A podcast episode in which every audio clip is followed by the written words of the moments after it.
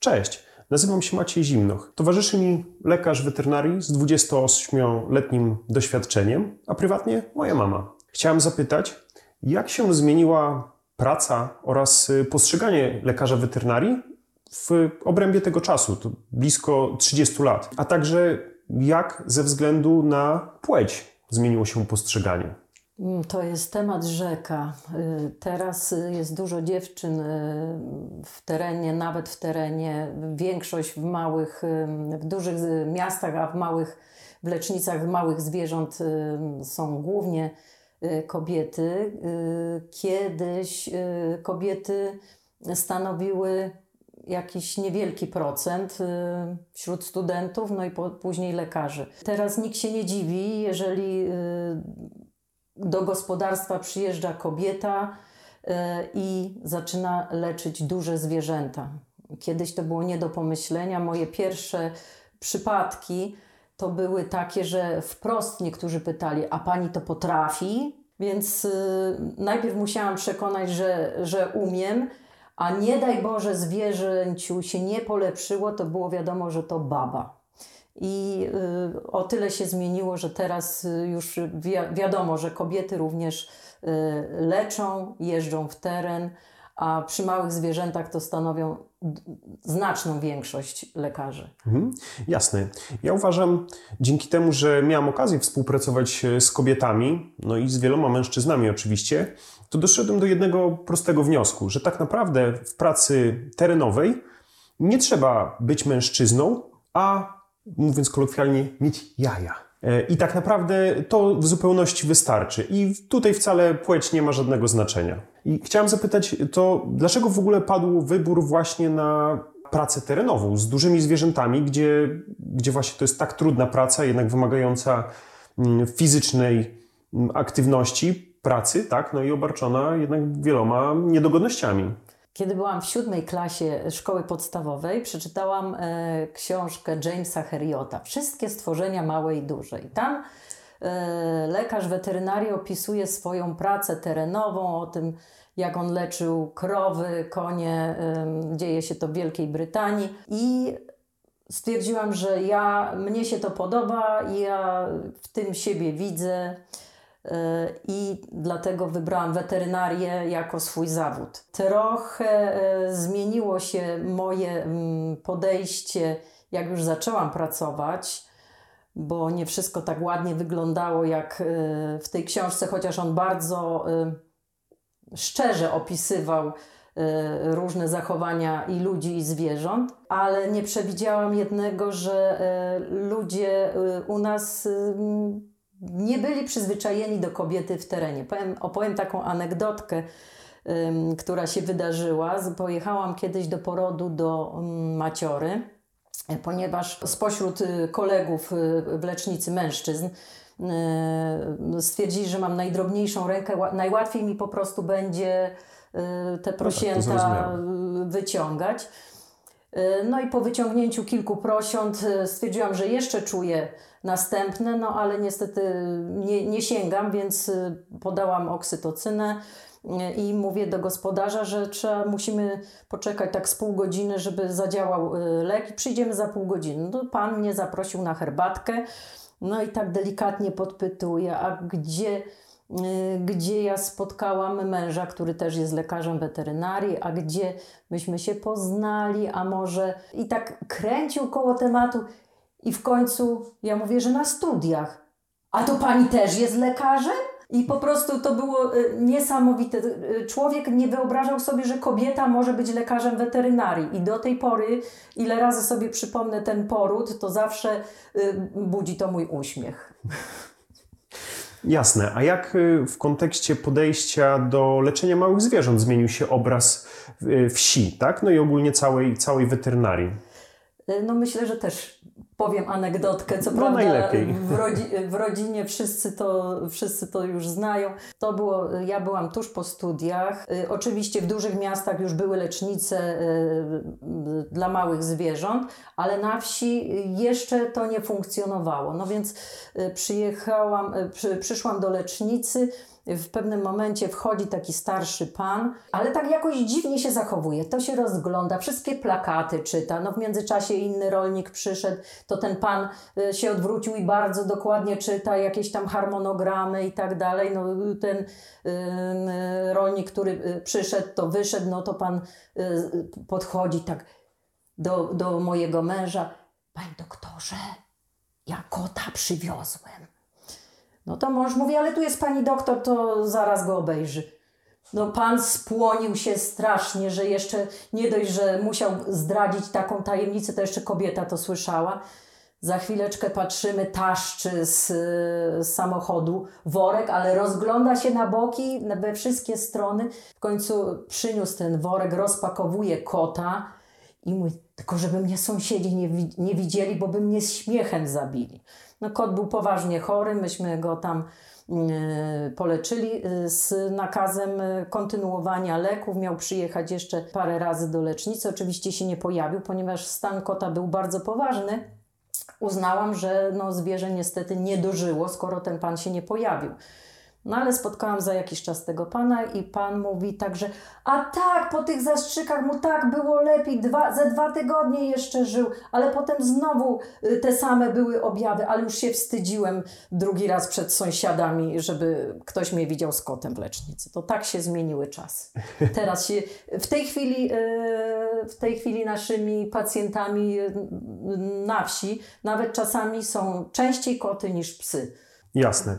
No tak, to myślę, że to wynika właśnie ze specyfiki, że jednak y, kota jest nieraz łatwiej utrzymać niż, niż psa, a pies dalej jest takim zwierzęciem y, właśnie no, czasami przebywającym gdzieś y, w zagrodzie, tak, a mhm. kota mamy często w domu i, tak. i to właśnie obserwujemy.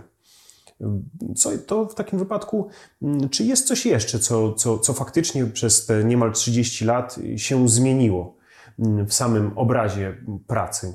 No, y, mogę wspomnieć na przykład y, o strzykawkach.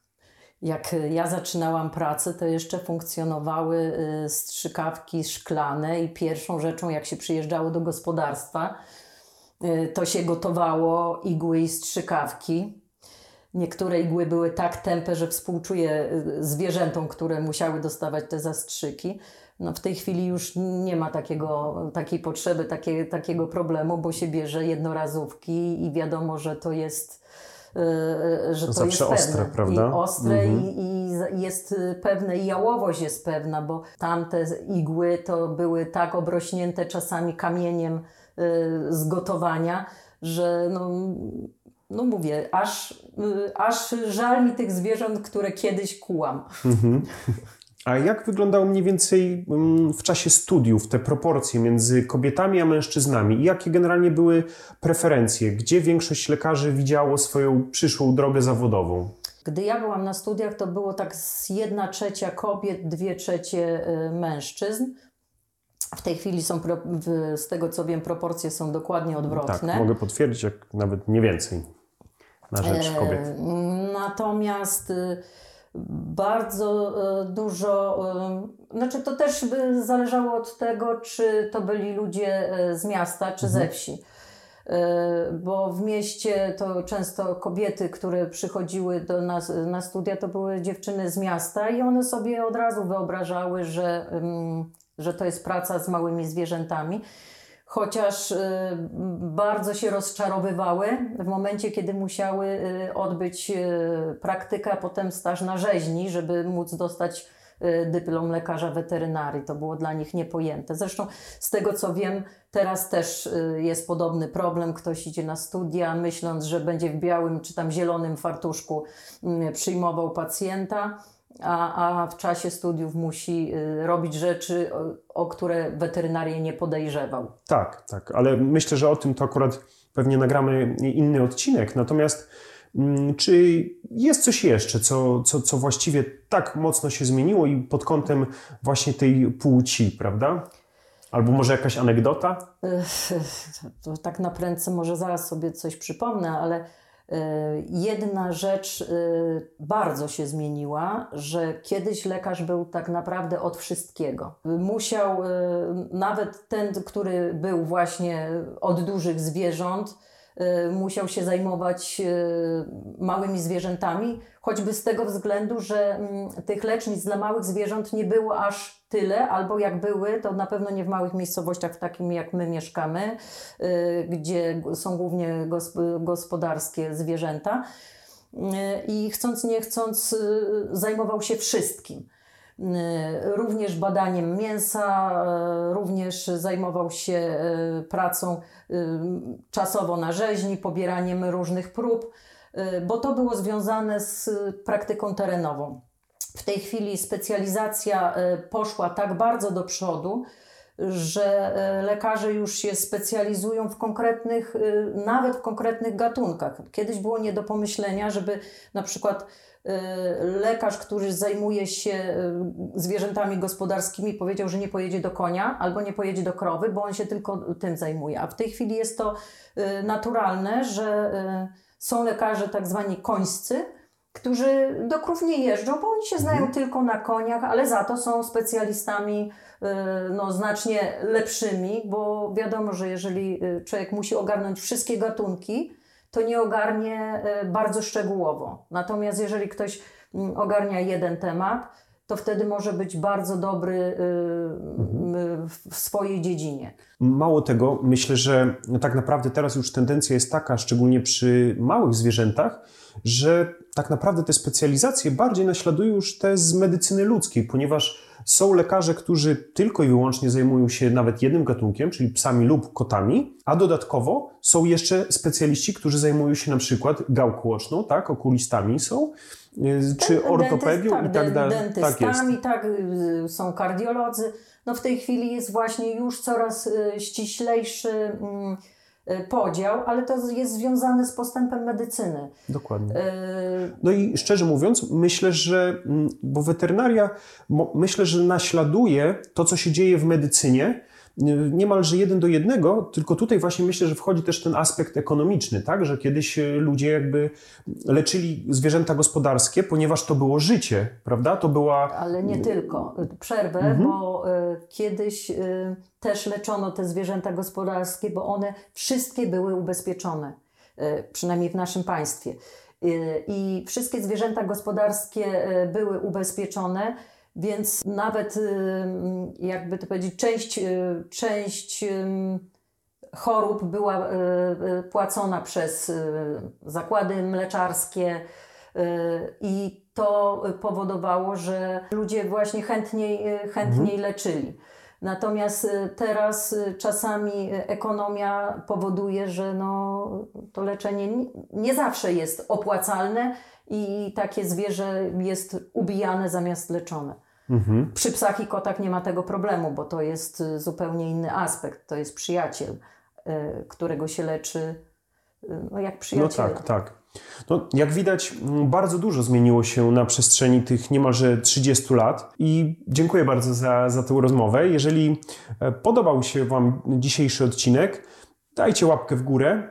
Jeżeli chcielibyście się o czymś dowiedzieć, żebyśmy o czymś powiedzieli, napiszcie proszę komentarz.